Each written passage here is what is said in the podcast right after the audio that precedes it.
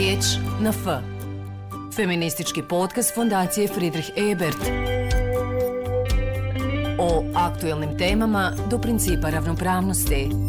Aktivizam, politika, obrazovanje, ekonomija, umjetnost, nauka, kultura. Riječ na F. Feministički podcast Fondacije Friedrich Ebert. Feministički podcast Fondacije Friedrich Ebert politike koje smo pokušali na neki način oslikati kroz ovaj razgovor. Mnoge ljude su otjerali iz Banja Luke, iz cijele Bosne i Hercegovine. Ti ljudi jesu rasuti po svijetu, ali učini mi se da je ljepota u njihovim rukama.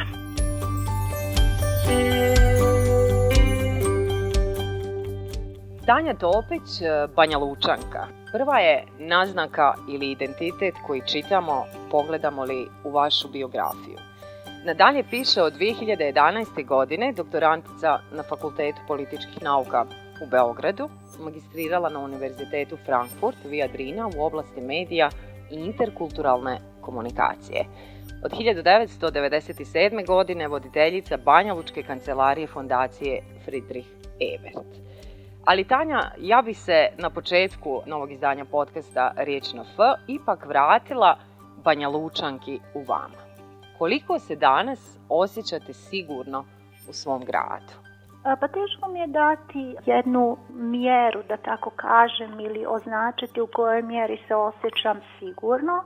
Iz prostog razloga što, što mi se zna desiti da, recimo kad hodam ulicama grada, nikada ne znam kad mi neko dolazi u susret da li će me osuti salvama uvreda, da li će me izređati ili će mi prići dobronamjerno da porazgovara sa mnom. Tako da je taj osjećaj, rekla bih, na jedan čudan način podijeljen. A s druge strane, ne znam, nekada kada prilazim automobilu, da li je sve sigurno, da li mogu ući u automobil i biti potpuno sigurna. Ono što, što, što je možda zanimljivo jeste da nastojim ignorisati taj osjećaj nesigurnosti ili taj osjećaj, osjećaj straha, jer ne želim postati na neki način žrtva tog osjećaja nesigurnosti i strepnje šta bi mi se moglo desiti na ulicama Banja Luke.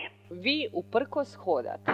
Pa hodam, da ne predajem se iz prostog razloga što ne mislim da, da sam nečim zaslužila da se tako osjećam i ne mogu e, s druge strane dopustiti bilo kome da me natjera da se osjećam u toj mjeri nesigurno da bih napustila, otišla znači iz Banja Luke i potražila neko utočište gdje će taj osjećaj sigurnosti biti dominantan. Jednostavno ne želim dopustiti nekome da mi zabrani da hodam. Kleveta. O njoj ćemo u nastavku povreda časti i ugleda. Ponekad nam je potreban vremenski odmak od stvari da bi dobili potpuniju i jasniju sliku. A kada ste u pitanju vi, Tanja, konkretno mislim na odluku općinskog suda u Banja Luci, Milorad Dodik nije kriv za klevetu za izjave koje vam je u javnom prostoru uputio, nakon što ste ga tužili, između ostalog nazvao vas je Quinslingom, dokazanim agentom BND-a ili Savezne obavještajne službe Njemačke. Reagovali su pojedinci, međunarodna zajednica i tu stajemo. Tanja, šta ste naučili iz ovoga? Kako je struka opisala zapravo pravnog silaženja sa uma? Šta vas boli? Prošlo je pet mjeseci. Mislim da me zapravo najviše u svemu tome e, povrijedilo. Ono e, što, što sam naučila da sudovi i pravosuđe ovdje nije u funkciji pravde, nije u funkciji građana, već je na neki način produžena ruka politike. Više me negdje je zaboljela presuda osnovnog suda u Banja Luci, e, puno više nego sve ono, ona salva, salva uvreda, kleveta koju je izrekao Milorad Dodik na moj, na moj račun. Nije to bila samo znači, e, kleveta, bile su to ozbiljne opcije optužbe, jer vi prema krivičnom zakonu Republike Srpske, ukoliko se bavite špionažom, činite krivično dijelo on je mene vrlo jasno, jednoznačno, samouvjereno sa funkcije člana predsjedništva Bosne i Hercegovine, a polazite od toga da su to ljudi koji moraju posjedovati tu vrstu informacija, označio e, špijunom, nazvao me stranim agentom Njemačke obavještajne e, službe. Ono što je negdje bio i poticaj Recimo, e, vratit ću se negdje na početak našeg razgovora kad ste me pitali koliko se osjećam sigurno. U ovim optužbama koje on izrekao javno, znači u eter, bilo je i optužba da sam kvisling. Ali slijedila je jedna druga rečenica koja je bila e, zapravo nešto što je potaklo taj osjećaj nesigurnosti, gdje on zapravo rekao da u njegovom kraju e, se vrlo dobro zna kako prolaze kvislinzi i kako su prolazili u vrijeme drugog svjetskog rata. Znači, sve to što, što je izrečeno, sud je negdje dao svoj pečat, ovjerio, rekao uh, E, da, da Milorad Dodik nije rekao ništa što nije tačno, što nije istina, iako ni na koji način u sudskom postupku nije, nije postojao pokušaj da se dokaže ta tvrdnja koju je on izrekao, I negdje je zapravo rečeno, sud, sud je utvrdio da sam ja na neki način strani agent. Sama sam priznala da radim za, za jednu stranu organizaciju, za međunarodnu organizaciju i da zastupam interese neke druge države, u ovom slučaju konkretno e, Njemačke. Tanja, trebala bi biti uložena žalba na ovu presudu Osnovnog suda u Banja Luci. Da, ja sam odlučila, iako mi je znači povjerenje u, u sudske institucije u e, Republici Srpskoj poljuljano, sama presuda bila mi je vrlo ponižavajuća na integritet i kao građanina i kao čovjeka u Banja Luci i unatoč tome znači odlučila sam da, da idem do samog kraja. Znam da, da, da će to trajati dosta dugo, da su to procesi koji traju nekoliko godina, ali sasvim sigurno mislim da ću u ovom slučaju ići, ja pretpostavljam, čak i na više instance, negdje u konačnici, kažem, predviđam i da bih mogla ići i do Evropskog suda za ljudska prava u Strasburu.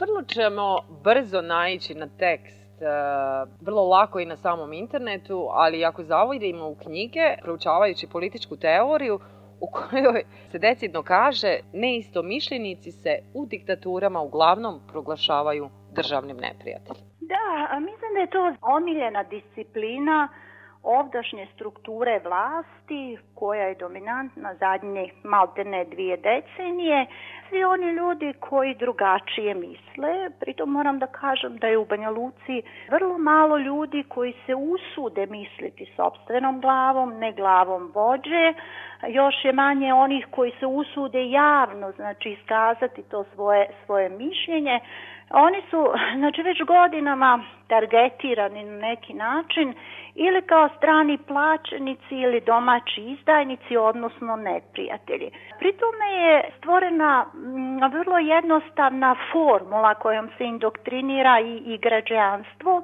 u smislu da vi kada kritikujete pojedinca, pojedinog političara, funkcionera, zapravo ta kritika se izjednačava sa napadom na etničku skupinu koju on predvodi.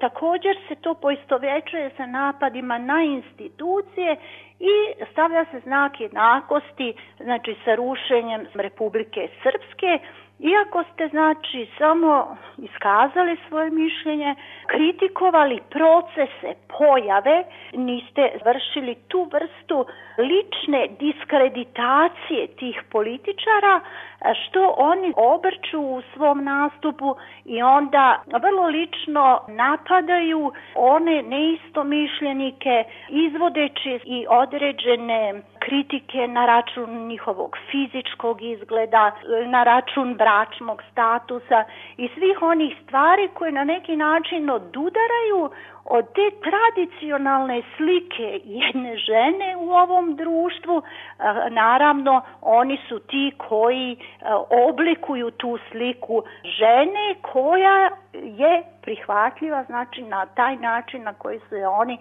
predstavili i naslikali u ovom društvu biti politička analitičarka danas u društvu u Bosni i Hercegovini, koliko vas to određuje? Na koji način se manifestuje posebnost ta rodna uloga i, i rodni moment?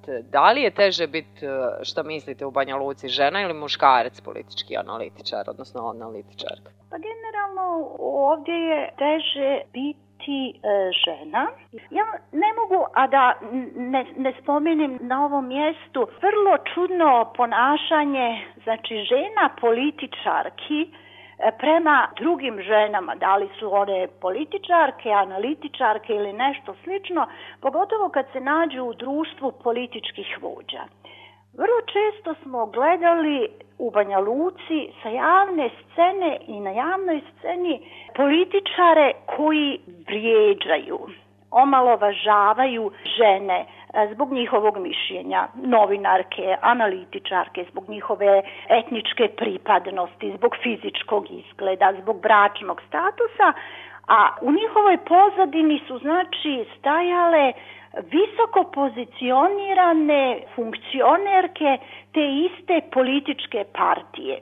I ta slika je ilustracija tog odnosa prema, prema ženi gdje su one vrlo pozitivno i afirmativno podržale stav partijskog lidera aplaudirale su takvim stavovima, ali naj, najviše je zapadalo u oko to što su se one smijale. Taj smijeh mislim da je ilustracija omalovažavanja neistomišljenika, a pri tome, e, kažem, preuzele su i kao žene e, potpuno taj vokabular i ponašanje lidera partije iz koje, iz koje dolaze. Ovo je historijski trenutak e, ne samo za Republiku Srpsku, nego i za Bosnu i Hercegovinu, šta tačno. Trenutno je u toku javna rasprava jer Skupština Republike Srpske krajem marta usvojila je nacrt zakona o izmjenama krivičnog zakonika tog entiteta kojim se kleveta i uvreda ponovo definišu kao krivično dijelo. E, ako kažem na sceni je gušenje slobode govora ili pripremanje grobnice za rijetke nezavisne medije, izostavit ću mnogo toga. Osvrnula bi se eh, na tekst bosansko-hercegovičkog novinara Senata Pećanina objavljenog uh, na stranici medija centra medija.ba pod naslovom Dramatične posljedice planirane kriminalizacije klevete u Republici Srpskoj. A u tekstu piše, iako se radi o krivičnom zakonu jednog bosansko-hercegovačkog entiteta, pod udarom ovog zakona mogu se naći i novinari i građani u cijeloj Bosni i Hercegovini. Član zakona 27 o krivičnom postupku RS-a kaže, Ako nije poznato mjesto izvršenja krivičnog dijela, ni pribivalište ili boravište osumnječenog, odnosno optuženog, ili se oba mjesta nalaze van teritorija Republike Srpske, nadležan je sud na čijem se području osumnječeni, odnosno optuženi, uhvati ili se sam prijavi. Moguće zatvor ili novčana kazna do 120.000 konvertibilnih maraka. Da, to je, to je rekla bih jedna tužna, tužna situacija koja nas je zadesila iz prostog razloga što vidite rekla bih jednu vrstu bjednog izgovora političkih autoriteta koji stoje iza, iza te kreacije, ali na neki način se razotkriva I nedjelovanje i nereakcija kada govorimo o toj izmjeni krivičnog zakonika gdje se kleveta ponovo uvodi kao krivično dijelo, nedjelovanja onog što zovemo međunarodna zajednica. Moram se vratiti unatrag nekoliko mjeseci. Znači, neposredno kad je Bosna i Hercegovina dobila uslovljeni kandidatski status, postoji od onih osam polja koja su identifikovana kao vrlo značajna polja na kojima treba raditi, odnosno e, ljudi koji su preuzeli na sebe da će izvesti sve reformske procese kojim bi Bosna i Hercegovinu uveli u Evropsku uniju. Jedan od tih polja jeste stvaranje ambijenta za djelovanje slobodnih profesionalnih medija i novinara. Desetak dana nakon toga upravo je uslijedila inicijativa Milorada Dodika za ovim uvođenjem klevete u krivični zakonik Republike Srpske i to je prošlo na neki način vrlo nezapaženo od strane predstavnika Evropske unije. Ta činjenica je ignorisana, iako smo svi znali da će takva, takva inicijativa biti sprovedena u dijelo. Poruka je vrlo jasna i sami ste, sami ste rekli u ovom dijelu koji ste e, naveli i u pitanju, ali i u dijelu koji ste citirali ovaj, iz teksta Senada Pećanina, da to jeste udar na slobodu govora, na slobodu mišljenja i slobodu medija. Vi, ako ste propisali tu vrstu kazne koju je nemoguće platiti, zaposlilo 120.000 maraka, vi zapravo novinare gurate u prostor autocenzure, što je jedna posljedica. Postavlja se pitanje ko može priuštiti da plati tu visinu kazne, a ako niste u stanju da platite, onda idete u zatvor. Vrlo vješto se koristila manipulacija prilikom argumentovanja i obrazlaganja tog nacrta zakona, gdje se reklo, pa ta kazna, znači koristi se argumentacija da i u pojedinim zemljama Evropske unije kleveta jeste kriminalizowana. Naravno, možete izvući to, ali je vrlo važno porediti kontekste. Bosansko-hercegovački kontekst kontekst i kontekst razvijenih demokratskih zemalja. Naravno, mi u bosansko-hercegovačkom kontekstu teško da možemo govoriti o nezavisnom pravosuđu, gdje biste onda imali povjerenja da nećete biti izloženi e, djelovanju pravosuđa pod političkom e, kontrolom i ono što više straha stvara jeste primjena ovog zakona, a mnogi stručnaci će reći i od samog, od samog samog zakona. Kaže se dalje, ne predviđa se zatvorska kazna. Naravno da se ne predviđa zatvorska kazna, ali ona u konačnici rekla sam u slučaju da ne možete platiti tako visoke kazne, jednostavno ćete biti primorani da je provedete i pretvorite u zatvorsku kaznu. A onda smo došli, znači, negdje u svim tim obrazloženjima ministara čak do banalizacije, znate, gdje, gdje je on potrebu za uvođenjem i donošenjem tih izmjena i, i novog zakona jednostavno pravdao i obrazlagao time da se mora stati u kraj, citiram, svađama u supermarketima i svađama koje se dešavaju u saobraćaju. Pri tome prećutkujući činjenicu da su ove stvari, znači koje on vrlo vješto banalizuje, nešto što je regulisano drugim zakonima kao što je zakon o javnom redu i miru. Mislim da, da je problem kod ovog zakona, kad već govorimo o kleveti, što on ne odnose se samo na novinare, on se odnosi na svakog građanina. I toga se bojim da građani u Republici Srpskoj uopšte nisu svjesni opasnosti koja im prijeti od tog zakona. Stvorena je godinama je stvarana atmosfera da su čak pokazuju i brojna istraživanja koja su rađena da je svaki četvrti stanovnik Republike Srpske nekada svaki treći napade na novinare smatrao opravdanima. Dakle, vrlo često čujemo u stajalištima običnih građana kako su novinari zaslužili to i kako se treba uvesti, uvesti reda. Riječ na F. Feministički podcast Fondacije Friedrich Ebert. Još jedan korak u stavljanju flastera na usta građanima, najava i zakonskog imenovanja svih nevladinih organizacija, čiji rad pomažu i podržavaju strane vlade ili međunarodne organizacije, stranim agentima. Dakle, da li će ovo biti i flaster na ustima nevladinog sektora? Pa, e, nevladine organizacije, pogotovo one organizacije koje e, su e, podržane i finansirane dijelom iz međunarodnih finansijskih izvora od strane međunarodnih organizacija dugo su trn u oku vlastima u Republici Srpskoj i one su godinama znači na isti način etiketirani e, kao strani plaćenici kao izdajnici.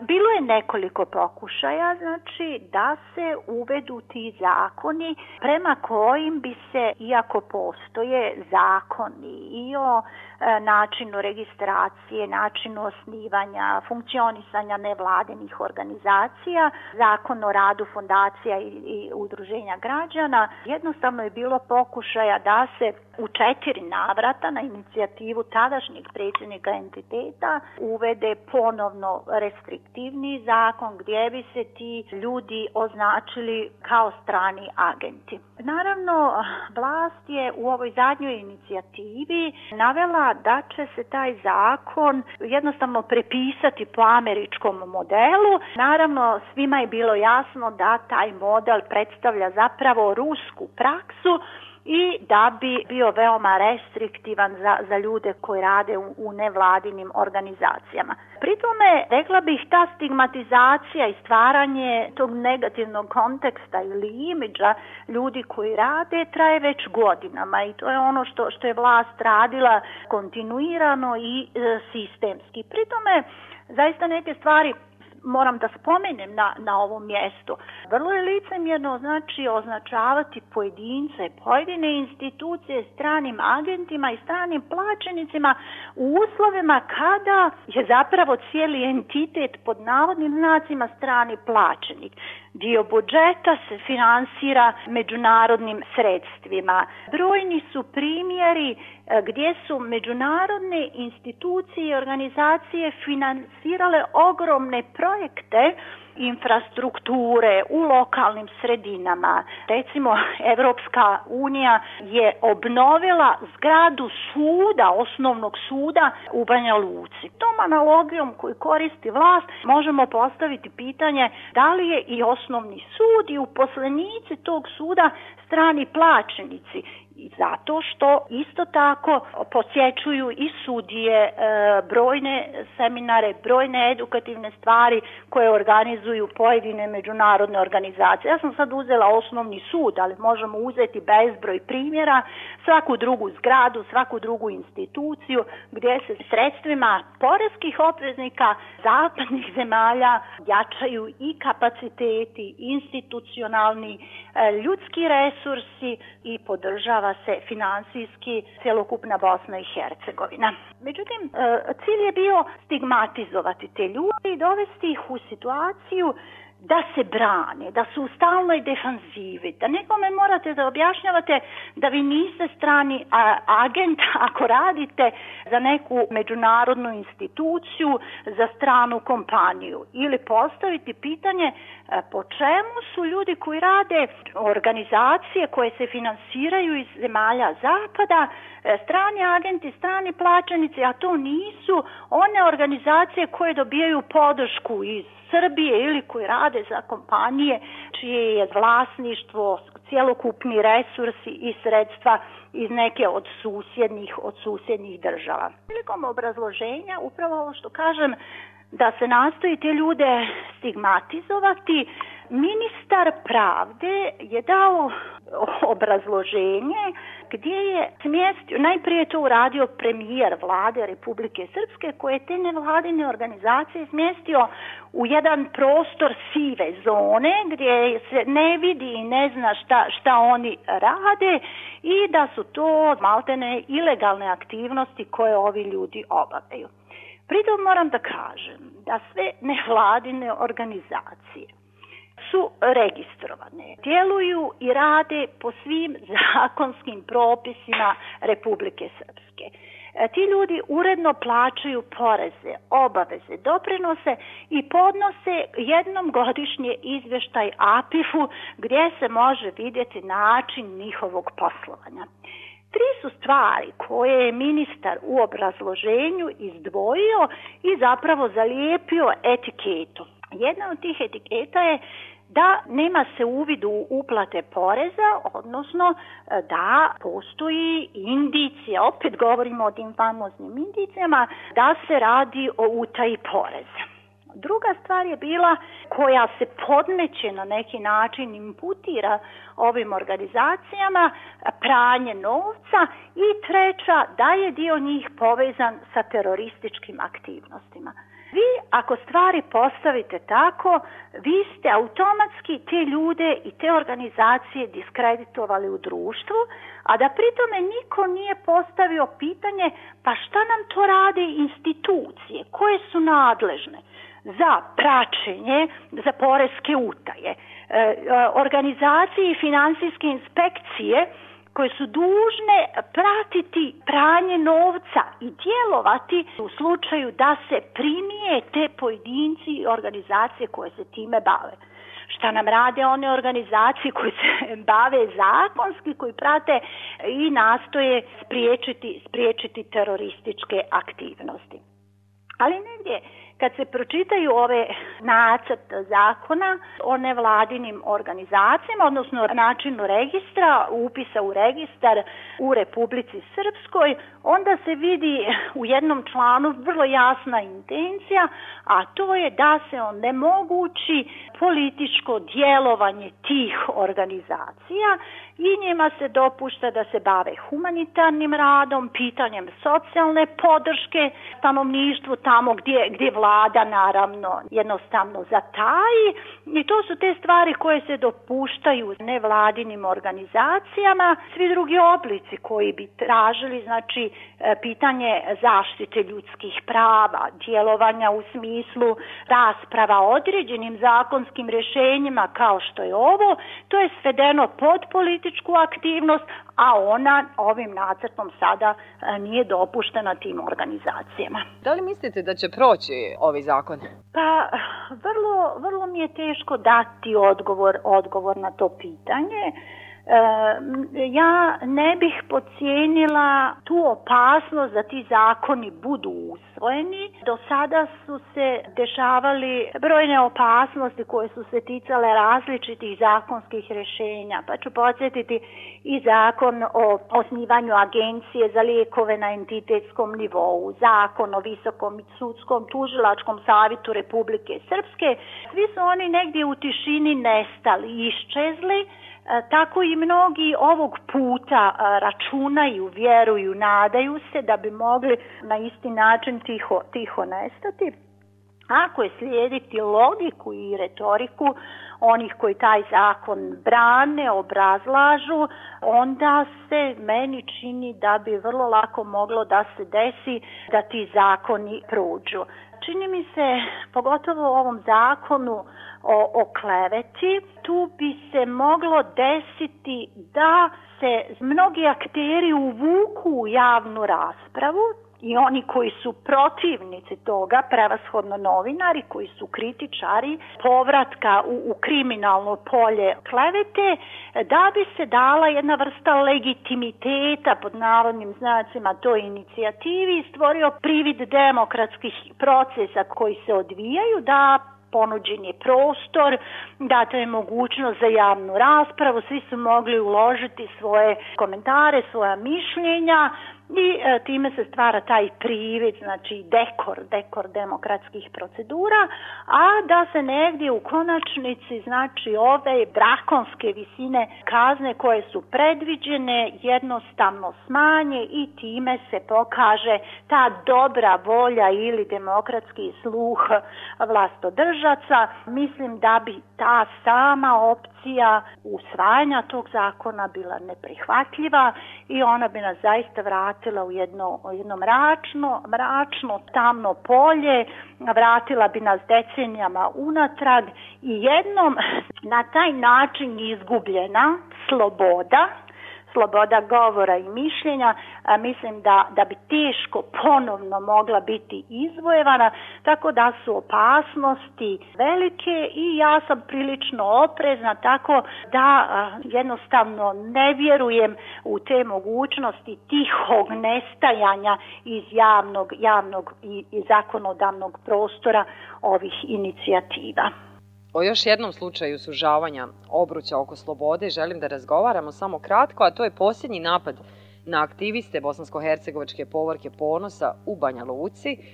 Dezinformacije, napad iz mržnje, umjesto da ih zaštiti policija je aktivistima rekla da napuste Banja Luku i pri tome počinioci napada još su nepoznati. Najavljene su i krivične prijave protiv Milorada Dodika i gradonačelnika Banja Luke, Draška Stanivukovića.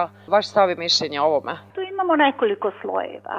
Jedan sloj je da smo se našli zaista paradoksalnoj situaciji da oni ljudi koji su najveći generatori mržnje, govore mržnje, koji su akteri koji promovišu diskriminaciju, omalovažavanje e, ljudi, oni jednostavno su zahtijevali znači uvođenje ovog zakona o kleveti e, koji predstavlja njihovu zaštitu i tu je taj cinizam da se e, kritičarima zalijepi flaster na usta. Mi smo se tih dana naslušali vrlo teških i vrlo ružnih e, napada na aktiviste, na pripadnike LGBTQ populacije koji i time se stvarala jedna atmosfera kako je to protivno tradicionalnim vrijednostima ovog društva. Naravno, oni podržavaju svako pravo individualno, ali onda uvijek dođe to famozno ali koje vas vraća u mračni srednji vijek. Ignorant Vatikanski odnos policije prema sobstvenim građanima, nepružanje zaštite nije novo u ovom zadnjem napadu na aktiviste. Godinama smo vidjeli šta se dešavalo sa pravdom za Davida, sa pripadnicima ove grupe, na koji način su šikanirani, na koji način policija nije štitila njih, da su proganjani svi ljudi koji su ih podržavali. Ljudi iz grupe Pravda za Davida su u svakodnevnim sudskim sudskim procesima upravo zbog brojnih prekršajnih prijava koje su im pisali policajci. Policija i ovog puta je pokazala svoje pravo lice, ona nije u funkciji zaštite građana, ona je u funkciji zaštite vlasti. Ja moram da vratim događaj na dan ranije. Mi smo imali nenajavljeno javno okupljanje jedne grupe, da li huligana, jedne grupe navijača, jedne grupe e, koja je bez ikakve najave defilovala gradom Banja Luke. Ona je prošla kroz centar, nosili su baklje, nasilje. Oni su prijetili pozivanje na ubistvo upravo protiv najavljenog događaja vezan za aktivnosti LGBT grupacije policija uopšte nije reagovala. S druge strane, mislim da, da su oni vrlo dobro znali ko to organizuje, ovaj napad također, ali jednostavno su se sklonili i pokazali zapravo da moraju djelovati eh, po nalogu politike. Ljepota pripada onima koji znaju posmatrati. E, volim se vraćati ovoj misli pisca Halila Džubrana. E, za kraj ovog razgovora, možda čisto zbog ravnoteže među zvijezdama, e, alternativni putevi djelovanja u svemu ovome ili kao Banja Lučanka, gdje prepoznajete ljepotu i snagu? Ljepotu vidim u ljudima.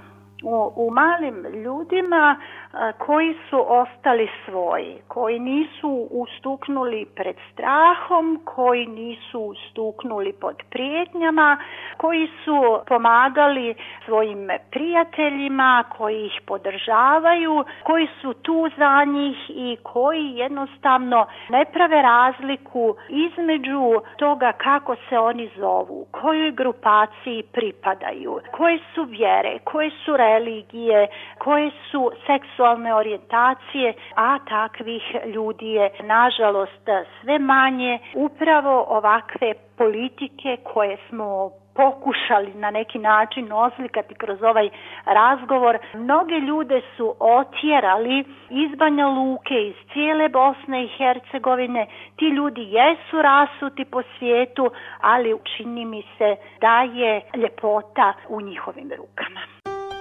Riječ na F. Feministički podcast Fondacije Friedrich Ebert. Uz ironiju poigravamo se stereotipima s kojima se patrijarhat obračunava sa feminizmom, želeći da mu oduzme političku relevantnost. Riječ na F.